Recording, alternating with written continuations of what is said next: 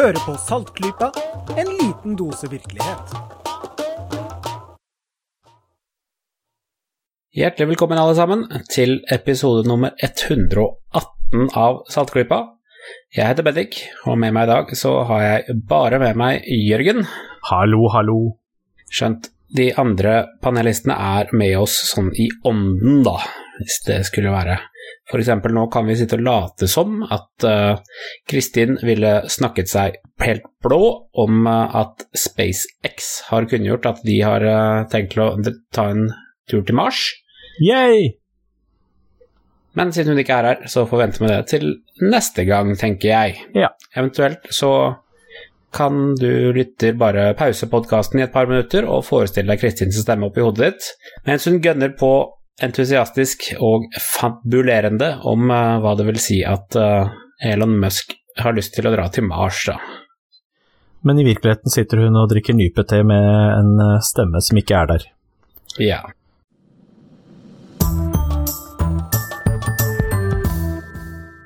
Nei, vi går rett på de tingene vi har på skjema i dag.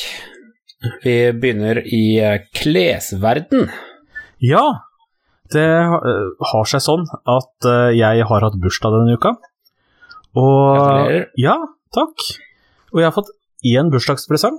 Uh, endelig har folk begynt å skjønne at de ikke skal gi meg presanger. Men jeg har nå fått en kjempefin presang. Jeg har fått en svart T-skjorte som Bendik kan se at jeg holder opp her. Bekrefter så. Ja, det er ikke stort å se gjennom et kamera, men det er også et fantastisk nydelig stoff i denne T-skjorta. Og den er laget av bambus. Bambus. Ja. Og så tenkte jeg at dette var jo spesielt. Dette må jeg lese litt om. Og, og denne pakninga har jo litt informasjon om denne bambusen. Så det var jo, passet jo veldig bra. Og her står det at uh, altså det er et firma som heter uh, Bamboo Mood. Og her står det at Bamboo Mood-produkter er laget av naturlig garn uten kjemikalier. Ingen kjemikalier i det hele tatt. Nei. Det er en Også- veldig god start. Ja, og så står det at uh, bambus inneholder også stoffer som aktivt motarbeider sopp. sopp. -hmm. Sikkert veldig kjekt. Uh, bla, bla, bla, bla, bla. Uh, og Jeg pleier jo å få mye sopp i T-skjorta mi. Ja, altså, sånt kan skje. Jeg hadde jo faktisk et uh, problem med det for en del år tilbake. Jeg hadde en bil som det gikk sopp i pga. en uh, lekkasje i taket, og det gjorde at uh, Altså, det satt i setet, så alle klær jeg hadde på meg når jeg kjørte bil, fikk en god dose sopp i seg. Det var faktisk ganske plagsomt. Men den bilen har jeg ikke lenger, det er ikke et problem. Men vi fortsetter med dette pakningsvedlegget. Uh, her står det at uh, denne T-skjorta er naturlig antiallergisk. Mm. Ok. Uh, Ja. er, jeg, jeg stiller meg litt spørrende først i ordlegningen. Sånn, det er en setning som egentlig ikke betyr noe som helst. nei, det slo meg også. Så, men det kommer en forklaring her, da. Bambusstoffet i våre produkter er naturlig antiallergisk siden det dyrkes og framstilles uten bruk av sprøytemidler og kjemikalier. Igjen, ingen kjemikalier.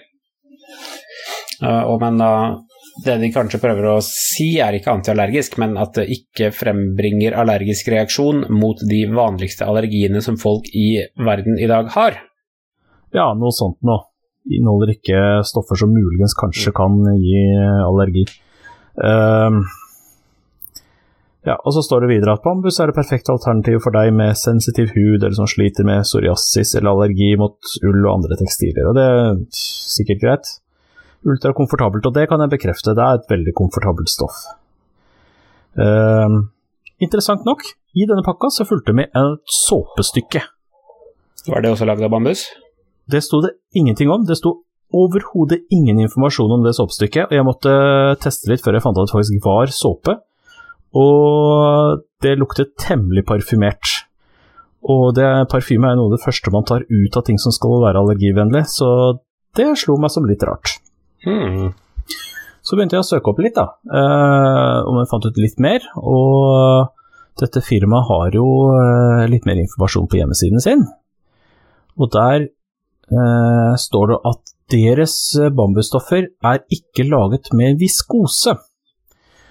Eh, og det er litt viktig, for jeg skal lenke til en artikkel som eh, handler om nettopp det at eh, det er nå veldig hipt med bambusklær, om deres fantastiske egenskaper, basert på egenskapene til bambus.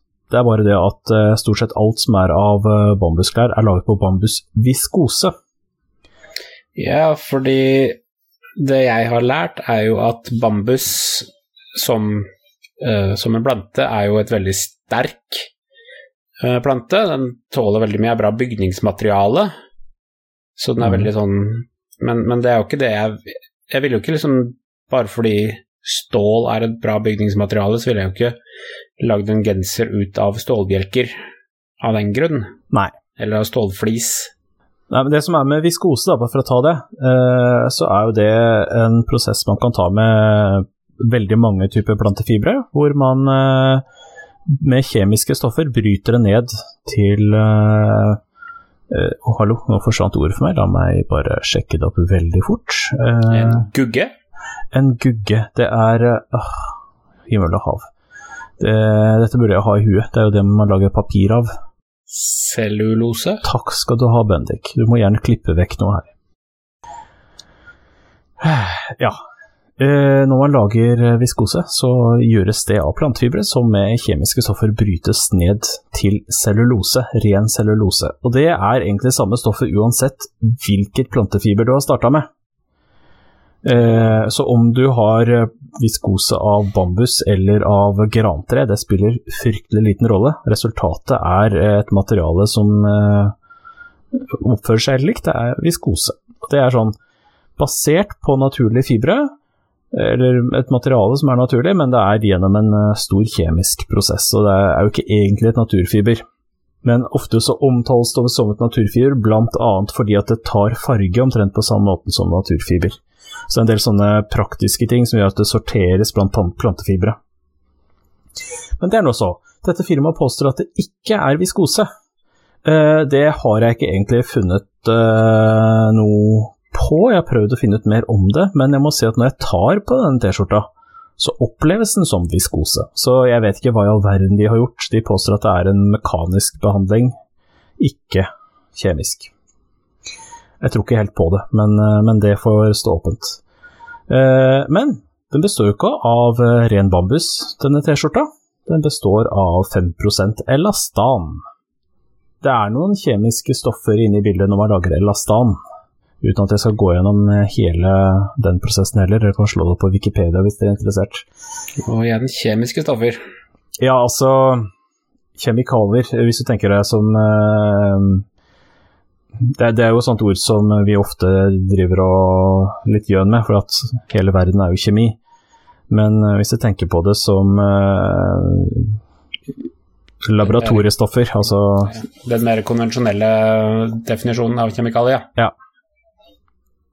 Og det er jo en del sånne prosesser med klær hvor man bruker eh, kjemikalier som kan være ganske heftige, og som folk har reagert på. Det er en del av de stoffene som over tid har blitt forbudt osv. Så, så det er det å være litt forsiktig med kjemikalier sånn generelt, det er en helt grei holdning, det. Men uh, det er noe med å love litt mye, da.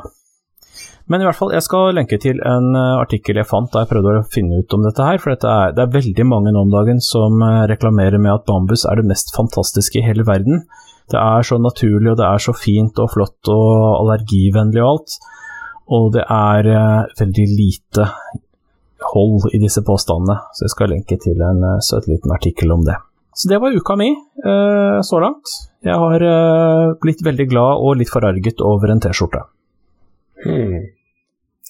Vi er enige i at T-skjorter er jo en ting som kan både gi og gi og ta og ta. Det er det beste plagget i verden.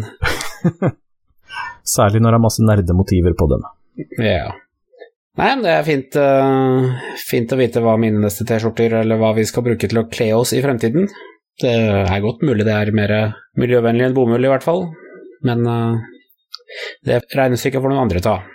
Jeg kan si bare litt mer om det med miljøvennligheten i det. For uh, det som er positivt med bambus, er at det er et, egentlig et gress. Det vokser innmari fort, sånn at du kan få veldig mye ut på kort tid, og sånn sett anses det som miljøvennlig. Men i hvert fall når det lages om til viskose, så er det en prosess som tar så mye energi at det er mer energikrevende enn vanlig framstilling av bomull, f.eks. Aha. Så det blir et hipsterplagg uh, vi fra fremtiden også. Ja. Noe som uh, vi rikinger kan uh, kjøpe fordi vi har råd til det, og si ha, se oss, vi bruker miljøvennlige produkter, eller ting som høres miljøvennlig ut på papiret.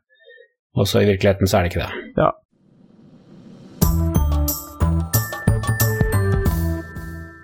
Men hvordan blir man så rik at man kan gi blaffen i andre ting, Bendik? Oh, det var en fin uh, Segway til neste punkt, det. Åh, jeg tenkte lenge på den. Nei, jeg gjorde ikke det. Men jeg kom nå på den. Jo, den uh, beste måten å bli rik på er jo å gjemme alle pengene sine. Som jeg håper alle lytterne hadde med seg. For et par uker siden så slapp uh, The International Consortium of Investigative Journalists, ICIJ, en massiv datadump av en, uh, noen dokumenter som de hadde fått tilgang til fra et advokatfirma i Panama, de såkalte Panama Papers, Panama-papirene. Ja, det har jeg hørt om. De har hørt om. Uh, oppsummering kjapt. Det var eh, 11,5 million dokumenter. Det er noe. Ja, det er, det er ganske mye. Eh, 40 års historikk på dem. Det hadde detaljer og informasjon om over 215 000 offshore-selskaper i Panama og rundt omkring i verden. Linka til folk i over 200 land. Eh, og det vi prater milliardærer, sportsstjerner og også narkobaroner og statsledere som er kobla til disse her. Eh, I disse papirene så Hittil så er det funnet ca. 140 statsledere, eller folk som er kobla til statsledere rundt omkring i verden. Mhm. I, inkludert eh, blant de så har vi statsministeren på Island, eller nå har vel han eh, gått av, eller har han ikke det allikevel? Det var litt sånn der brudulje der. Eh, Statsministeren i Pakistan, presidenten i Ukraina, kongen av Saudi-Arabia, eh, Vladimir Putin eh, og David Cameron hadde nære forbindelser inne der. Ah. Dette her er De dokumenterer hittil ca. 2 milliarder dollar i transaksjoner som blir skyflet frem og tilbake i, mellom firmaer og skallselskaper, og en del folk som man vet bedriver lyssky operasjoner, slik som kjente narkobaroner og terroristorganisasjoner. Så Men det jeg hadde mest lyst til å prate om her, var jo litt om datasikkerheten bak det hele. Ja, den eh, er et interessant kapittel. Ja. Eh, vi, skal, vi kan prate, nevne litt om resten av eh, papirene også, men, men i hovedsak så vil jeg bruke dette her som en liten follow-up, egentlig, på, på ting vi har prata om tidligere, som f.eks. det at FBI ville gjerne at Apple skulle svekke sin egen kryptering for å slippe dem inn. Og i etterkant av det så har det vært lovforslag i den amerikanske kongressen til at alle datafirmaer som lager ting som er krypterte, må slippe inn, eller må gjøre det slik at eh, myndighetene kan komme inn. Det, jeg tror ikke det kom gjennom denne gangen, og det ville vært også en, en fysisk umulighet, men det, det som er tingen her, at denne lekkasjen her, den kunne ikke ha skjedd uten trygg, pålitelig kryptering. Hm, forklar. Ja. Eh, tingen er jo det at etterretningstjenestene rundt omkring i de forskjellige land, de sier jo at de er ut, vil bare vårt beste og vil bare beskytte oss fra slemme folk. Men det er ikke tilfellet i det hele tatt. Eh, for en uke eller to siden så var det en artikkel om at britiske GCHQ, deres etterretningstjeneste, hadde ikke Eller de hadde ikke gått etter terrorister og sånn, men de hadde oppdaget at noen dreiv og piratkopierte en Harry Potter-bok, og varslet uh, utgiveren av boken om det. Jaha. Ja. Fordi det er sånne ting som de da tydeligvis fant ut ved å overvåke helt vanlige mennesker. Oi. Det Så hver gang vi har, vi har sett gang på gang at myndighetene er ikke snille alltid. Eller ofte så er de ikke det. Det De har vel forekommet, ja. De vil spionere på alt. Og jeg kan love deg at hvis NSA eller FBI hadde klart å se inn i de filoverføringene som denne John Doe-personen som eh, lekket Panama Papers kom med, så ville de vært på halen hans med en gang. Og da ville aldri dette her blitt offentliggjort. Panama Papers er egentlig en knøttliten sak i det store globale. Dette her er ett advokatselskap som riktignok uh, opererte en rundt 200 000 uh, skadeselskaper, men dette er ett advokatselskap hvor det som det finnes hundrevis av på verdensbasis. Mm. Uh, og hvis, de, hvis FBI hadde funnet ut det der, så ville de vært etter han med en gang, og de ville politianmeldt han, og så ville han aldri fått lekket dette her.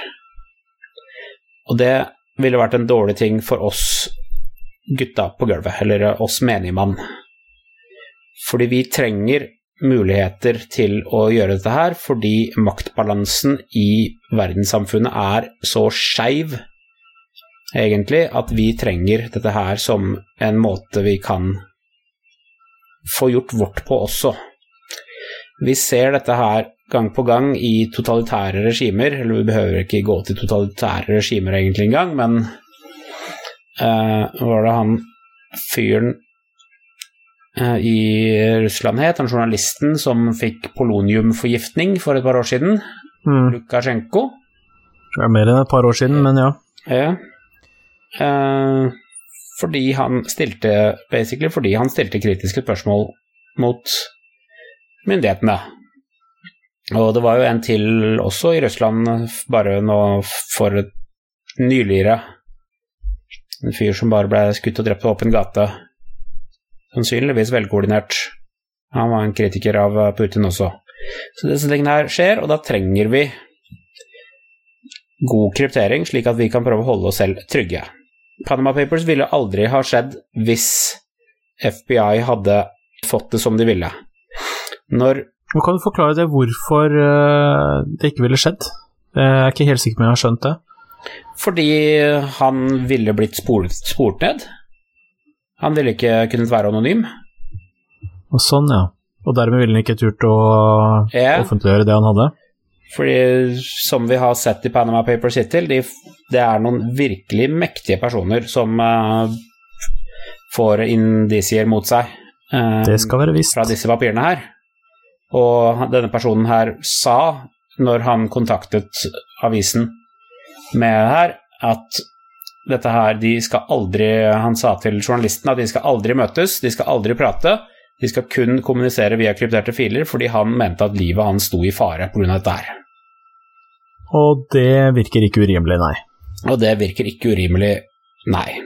Så jeg vil uh, sitere en, uh, en venn av meg som heter Bård Standal, som skrev en uh, blogg på Dagbladet for noen uker siden når dette her kom, at når FBI vil bryte seg inn i iPhones, når Anders Anundsen vil gi myndighetene muligheten til å installere tastaturovervåkning på datamaskiner for å fange opp tastetrykkene dine før datamaskinen krypterer dem, når Kripos driver sin alarmisme mot det mørke nettet som en syndens pøl av dop og prostitusjon, da er det avsløringer som Panama-papirene de reelt kjemper mot, og statsledere som Putin og Porosjenko de reelt kjemper for. Fordi vi må ha dette her. Uten det så finner, er det ikke mulig trygt å lekke ting, og det er så mye drit som foregår i verden, at vi må kunne lekke det trygt til journalister. Ja. Hvis du selv tenker det er det samme for meg, jeg har ikke noe å skjule, greit nok for deg, men det var det ikke for John Doe.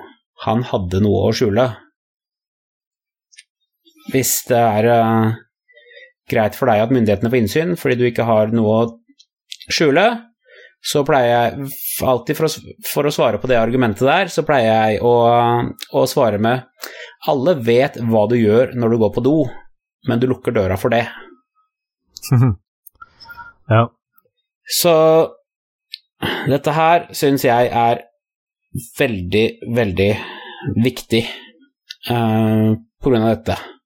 Og det her er sånt som vil skje hvis vi tillater at myndighetene svekker kryptering på teknologibasis. Eller da vil ikke dette her skje lenger.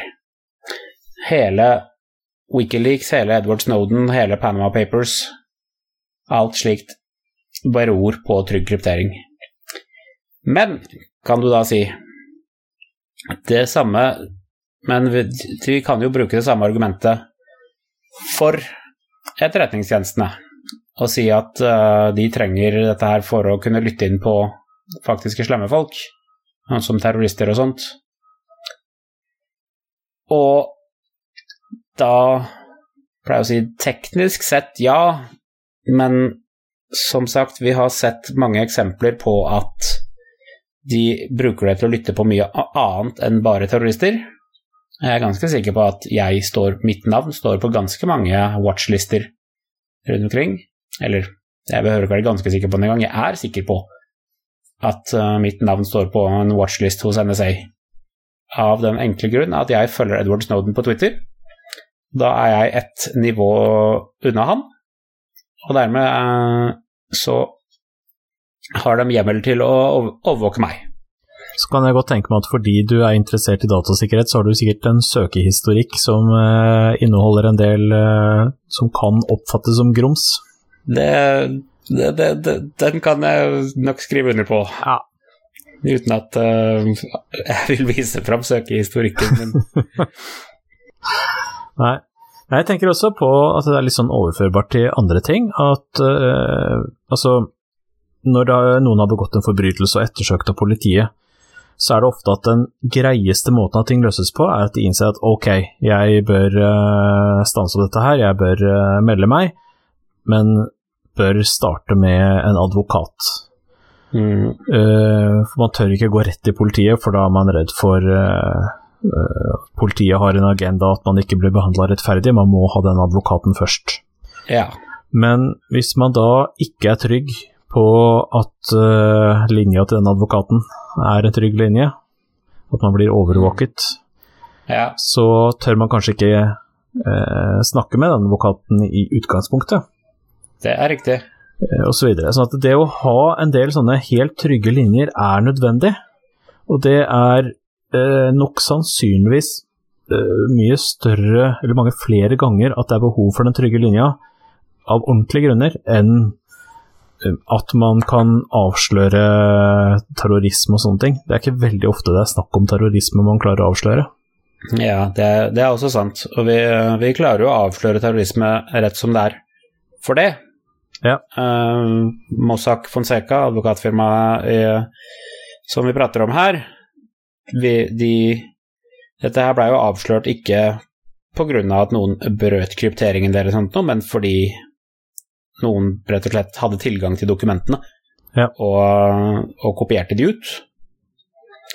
Uh, det var lenge spekulert om at det var en utro tjener som uh, hadde gjort det, og det er det ingenting som dette ville stoppet.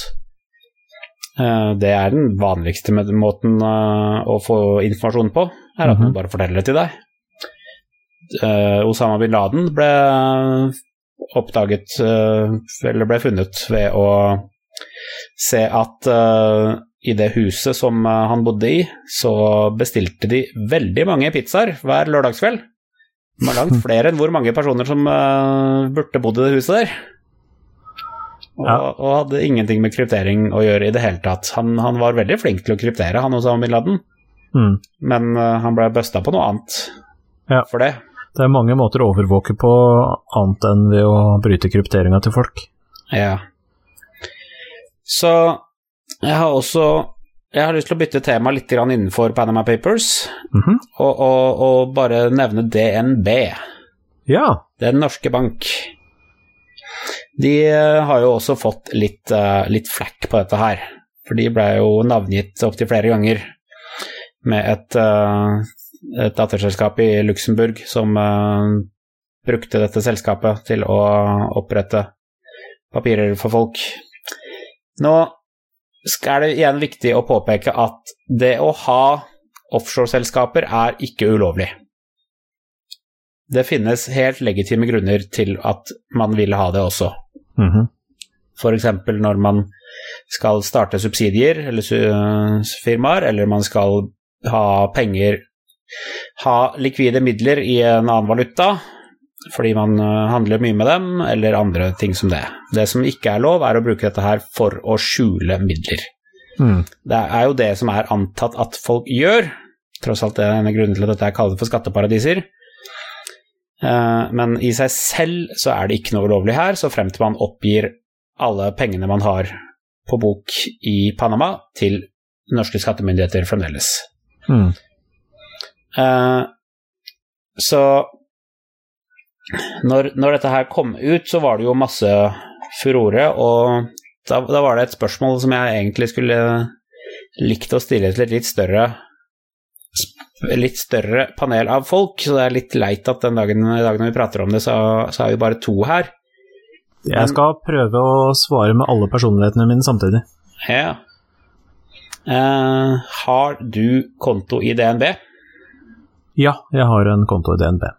Har du vurdert å stenge den basert på dette? På grunn av dette? Nei, det har jeg nok ikke. Hva Da er follow-up-spørsmålet hva eventuelt skulle til for at uh, du skulle si opp kontoen din i DNB og starte den i en hvilken som helst annen bank? at jeg får ut fingeren. Ja, Den kontoen vi her fall... snakker om, er en nesten tom konto som jeg har helt glemt bort og bare husker på når jeg får årsrapporten på den at det står noen få kroner på den. I hvert fall hvor, med hvor lett det er å bytte bank i Norge, i og med at du bare, basically bare tar kontakt med ny bank og sier 'hei, jeg vil bytte bank', og så gjør de all jobben for deg. Mm -hmm. Fordi vi jeg, Og jeg skal, jeg skal, innrømme det selv også. Uh, jeg også har Per i dag så har jeg konto i DNB. Om et par uker kommer ikke jeg til å ha konto i DNB lenger. Men det er egentlig av andre grunner. Mm. At uh, fordi vi skal Jeg refinansierer, rett og slett. Så, så jeg, jeg, bytter av, uh, av økonomiske grunner, ikke av uh, moralske grunner. Mm. Og, det, og, det, og, det, skjedde tilfeldigvis samtidig, så jeg kan til nød bruke det som et argument. Ja. Men, men nå, nå, innrømmer jeg her at sannsynligvis så ville ikke jeg ha sagt opp kontoen min i DNB, jeg heller. Så jeg prøvde å stille meg selv det spørsmålet også, og jeg var ikke sikker, jeg heller, på hva For det, fordi det påvirker jo meg som en privatperson så lite, dette her. Det gjør det. Det som slår meg, da Nå har ikke jeg fulgt veldig godt med den saken, her, for jeg har vært travel i det siste, men én ting er at DNB har blitt uh, tatt i å være involvert i å gjemme penger i skatteparadiser, men det er de som er tatt. Spørsmålet er, er hvilke andre banker har drevet med det? Uh, Cirka alle. Det er det jeg også mistenker. Uh, en av de største eller de navnene som dukker opp oftest i Panama-papirene, er HSBC, Hong Kong and Shanghai Bank Conglomerate. Uh, veldig stor bank i England og i Hongkong.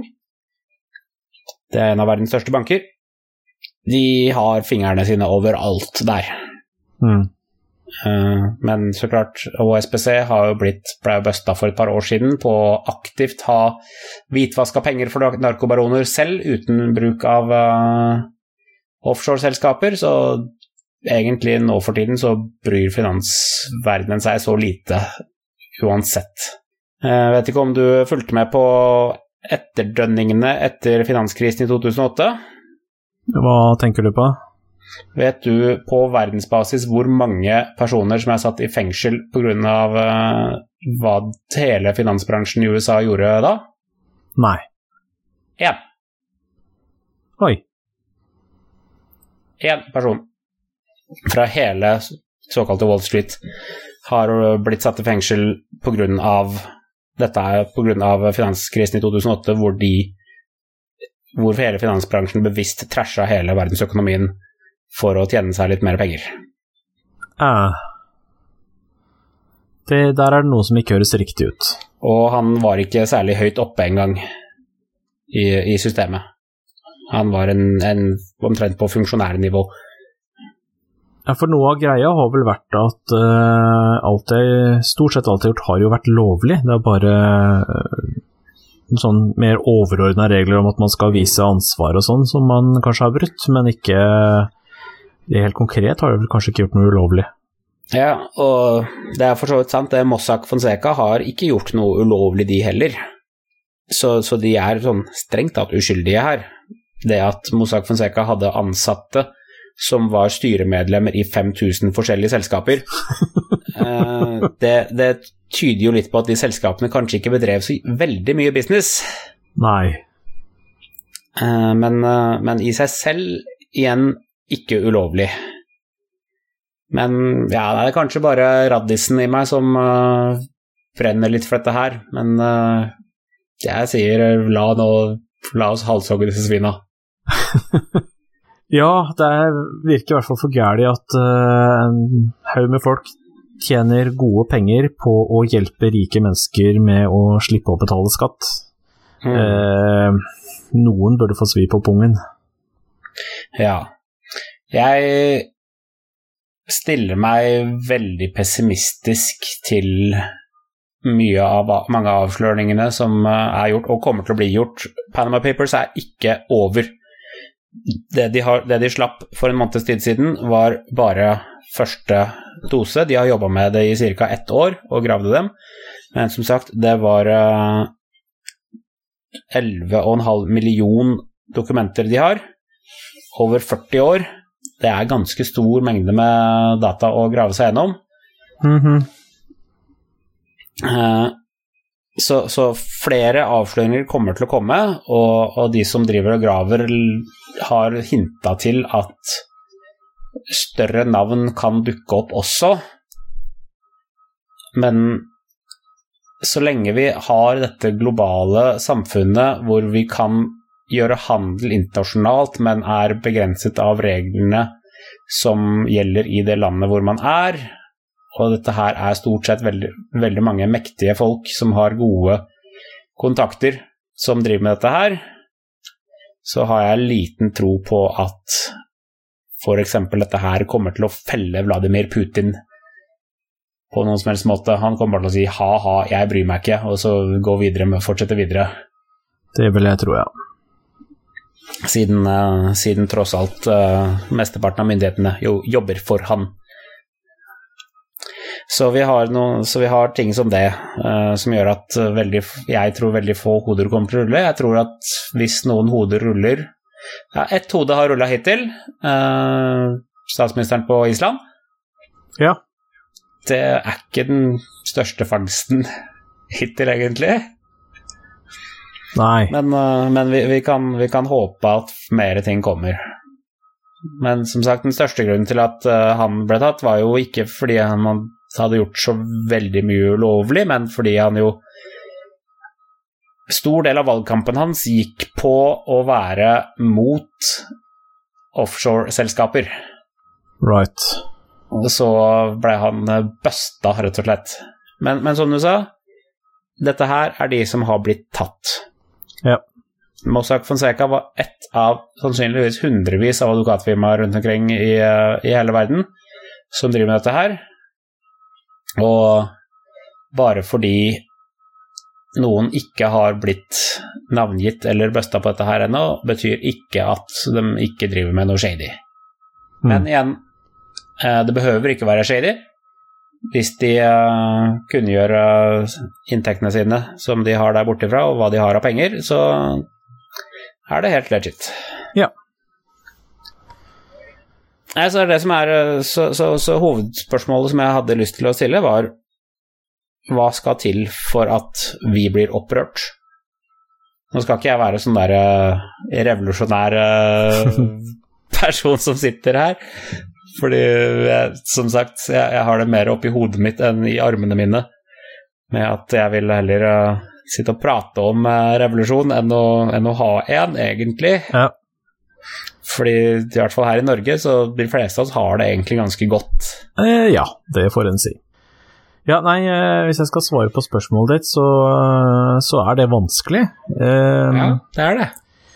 og, og det har jo mye å gjøre med at vi, vi har det veldig bra, på tross av at uh, mange stikker bort pengene sine.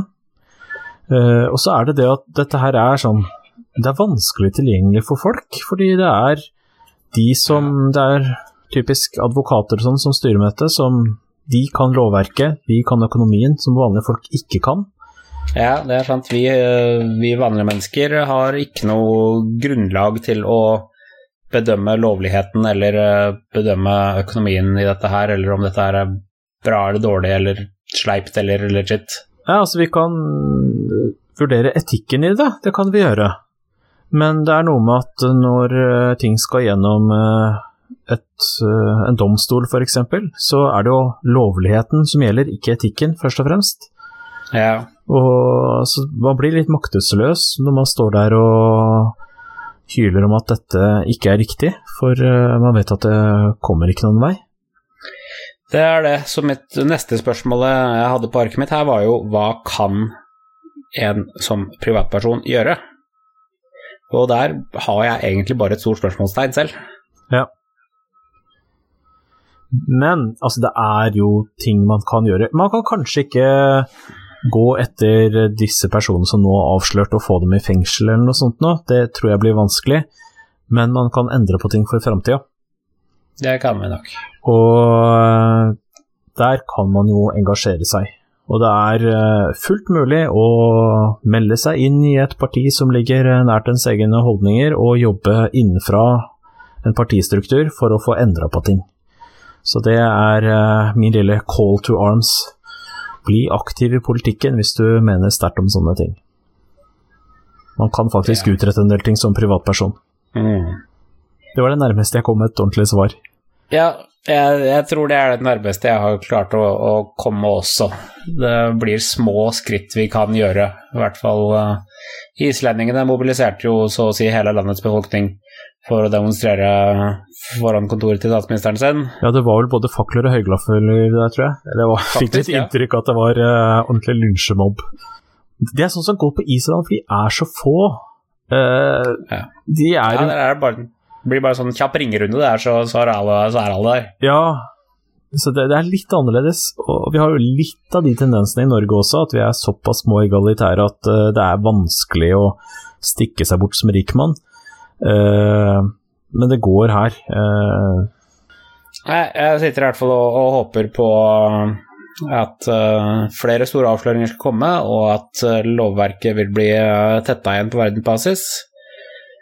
Eh, men som sagt, de personene som er involvert i dette her, er allerede så kraftige og, og har så gode kontakter at eh, vi kan bare håpe at noen blunker og, eller driter seg ut. Ja.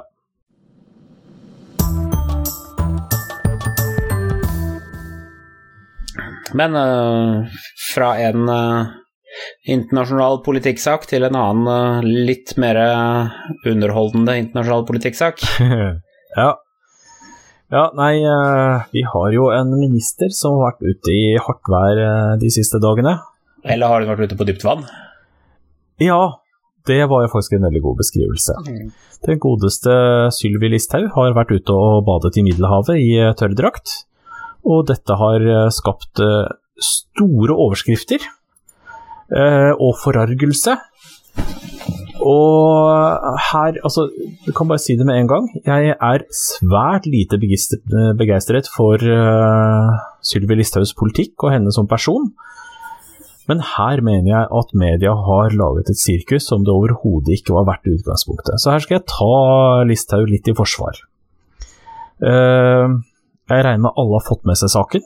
Eh, jeg vet ikke om alle har fått med seg hva som egentlig skjedde.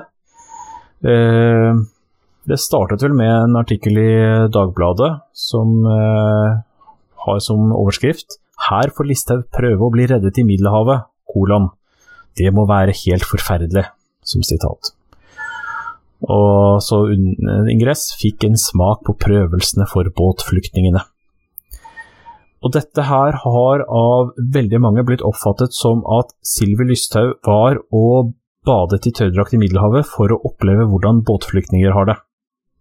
Mm. Og det har Ja, det skapt sånn jeg, ja, sånn jeg har forstått det fra overskriften også. ja, og det har skapt masse forargelse, naturlig nok, hvis det er sånn man har forstått situasjonen. For uh, hun har kommet med så mange stygge og nedsettende utsagn om uh, båtflyktninger og, osv. og at hun liksom da i veldig trygge omgivelser eh, bader litt i eh, Middelhavet, det er jo selvfølgelig ikke det samme. Poenget er at det er jo ikke det som skjedde.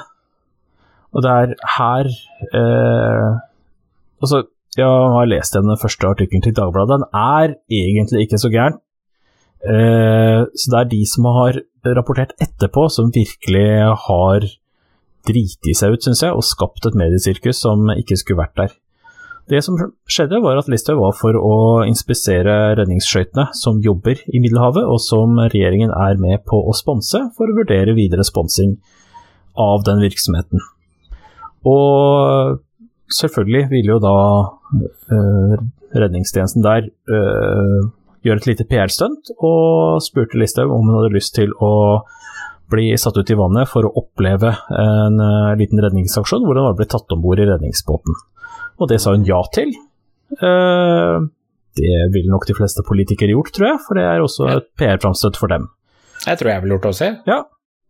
Og så kom hun med en uttalelse i ettertid at ja, nå har hun eh, fått sett uh, dette fra den siden at man ligger og dupper i vannet og blir plukka opp, og har en litt bedre forståelse av hvordan det vil kunne oppleves. Og hun har også en presisering om at eh, dette her ikke er en reell situasjon, hun kan ikke egentlig sette seg inn i det, men har fått en litt bedre forståelse for det. Mm. Det er hele saken. Uh, man kan si at i det store mediebildet så burde hun ha skjønt, eller noen rådgivere burde skjønt, at dette kommer noen til å bruke mot henne. Men bortsett fra det så er ingenting gærent med det der, så vidt jeg kan se. Men det har blitt blåst opp til at Sylvi Listhaug har badet i Middelhavet for å forstå hvordan båtflyktninger har det. Og det har jo ført til en mediestorm uten sidestykke, og det siste er jo at hun har kommet på John Oliver-showet eh, og blitt gjort narr av der. Eh, akkurat den saken der, da, med John Oliver, den er ikke så gæren, for han tar jo opp i litt videre perspektiv om større politikken osv. Men eh, ja, det har blitt en kjempesak, og Norge latterliggjøres eh, internasjonalt for noe som egentlig er en ikke-sak. Så folkens, alle dere som har gått på limpinnen her og tror at Sylvi Listhaug er så jækla dum, det er hun faktisk ikke.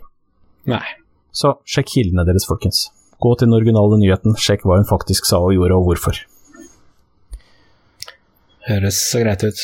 Ja. Det er så mye lettere vet å bare bli uh, le av personer som vi vet vi ikke er enige med. Ja, altså, min første reaksjon da jeg så det, var altså, særlig først, folks første reaksjoner at sånn, det er som å åpne vinduer for å Hva var det for noe? Sjekke, undersøke hvordan det er å fryse eller et eller annet sånt noe.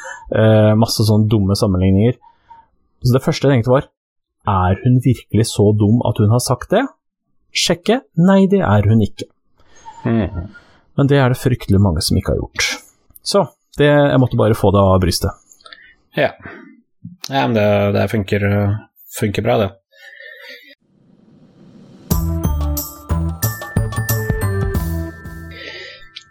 Jeg foreslår vi eh, hører om vi, noen av oss har noen anbefalinger denne uken her.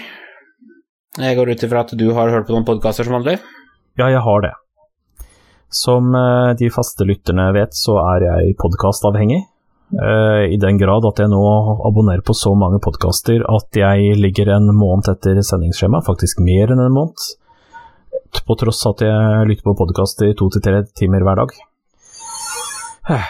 Men jeg vet at det er andre som også har podkaster som primær underholdning, og som opplever at de får jo aldri hørt på musikk lenger.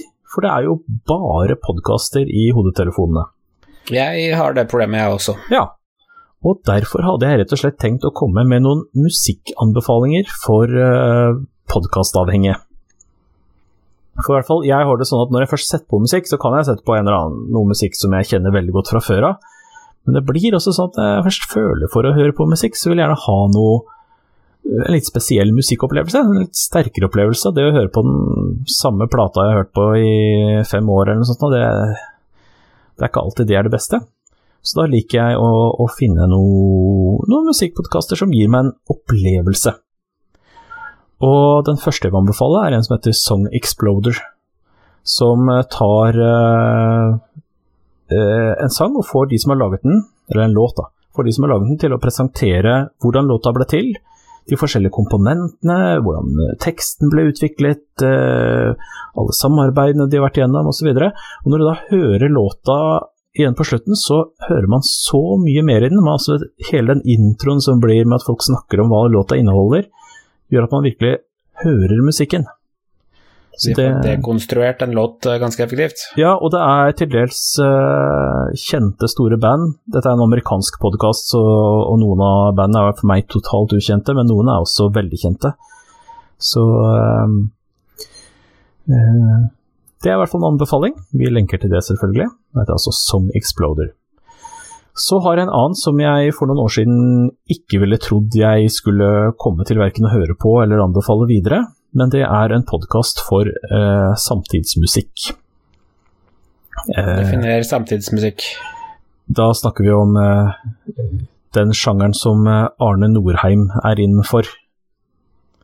Det altså, er ikke et navn jeg kjenner igjen. Oi, oi, oi, du er en yngre garde. Ah, nei, altså, det er innenfor klassisk musikk, gjerne, men Eller har litt opphav der, men det er eksperimentell musikk eh, som kan altså Arne Norheim er veldig kjent i, i, norsk sammenheng. Han lager veldig mye sånn rare pling-plong-lydbilder. Mm. Eh, eller lagde. Han er Jeg husker ikke om han lever lenger nå, jeg. Det er ikke så farlig, for eh, poenget er at dette er en musikksjanger som mange skyr. Det er kanskje litt for spesielt interesserte. Men uh, i den podkasten her så får man det presentert på en måte som gjør at i hvert fall jeg får veldig mye ut av å høre på dette her. For der er det da intervju med eh, de som lager musikken, komponistene. Mm. Og de liksom maler ut lydbildet sitt. Det er kanskje om komponisten, altså en presentasjon av komponisten og livet deres, og hvordan det har formet musikken osv. Og det, akkurat som med Songers Brothers som jeg anbefalte i stad, så er det sånn at du virkelig kommer ut under huden på det, og når du da hører på det, så får du en enorm forståelse av hva den musikken er. Så er det selvfølgelig ikke alt som er tiltalende, og det er flere av de episodene jeg bare har skippa over når jeg begynte begynt å høre litt, men andre er helt fantastiske, og jeg endte opp da med å kjøpe musikk basert på dette her, så fordi de gir meg helt unike opplevelser. Så Meet the Composer, glimrende musikkpodkast. Mm -hmm. Og så har jeg en til. Jeg er, ja, jeg er en gammel datanerd. Jeg vokste opp med den fantastiske hjemmedatamaskinen Commodore 64. Ja, for det er faktisk det som går på musikkspilleren min ganske ofte også. Ja. Eh, det er i hvert fall en svensk podkast som heter Camouflage, som eh, spiller eh, gammel Commodore 64-spillmusikk og remixer av det samme. Og for dem som uh, har et hjerte som banker mykt for uh, 8-bits-musikk, så uh, kan jeg varmt anbefale den podkasten. For de av dere som ikke vet hva slags musikk dette er, Uh, lytt på én episode, så får en, uh, får en, en fin overraskelse og, og, en stor forundring over at noen mennesker kan synes at dette her er musikk. Ja, altså, det er nok litt for de som vokste opp med denne musikken og disse spillene. Uh, jeg husker Altså, jeg bare kom over den podkasten og lasta ned en del episoder. Og så dro jeg på hytta, og en lang kjøretur, og så begynte jeg å spille av i bilen. Og Jeg ble bare altså sittende og høre på episode episode med et gedigent smil. Det var helt fantastisk. Men, uh, hadde du andre folk i bilen også, da? Uh, ja. Jeg hadde min kone, som uh, nok ble lei litt før meg, da. ja. Men det er i hvert fall tre musikkpodkaster som jeg anbefaler. Tøft. Og du, Bendik? jeg anbefaler Væpna revolusjon. Oi, du verden. Det var rått og brutalt. Ja.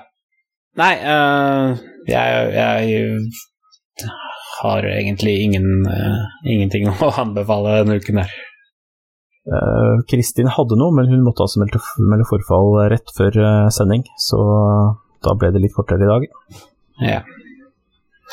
Nei, jeg foreslår vi, vi bare runder av for i dag, jeg. Ja. ja, vi har egentlig prata lenge nok.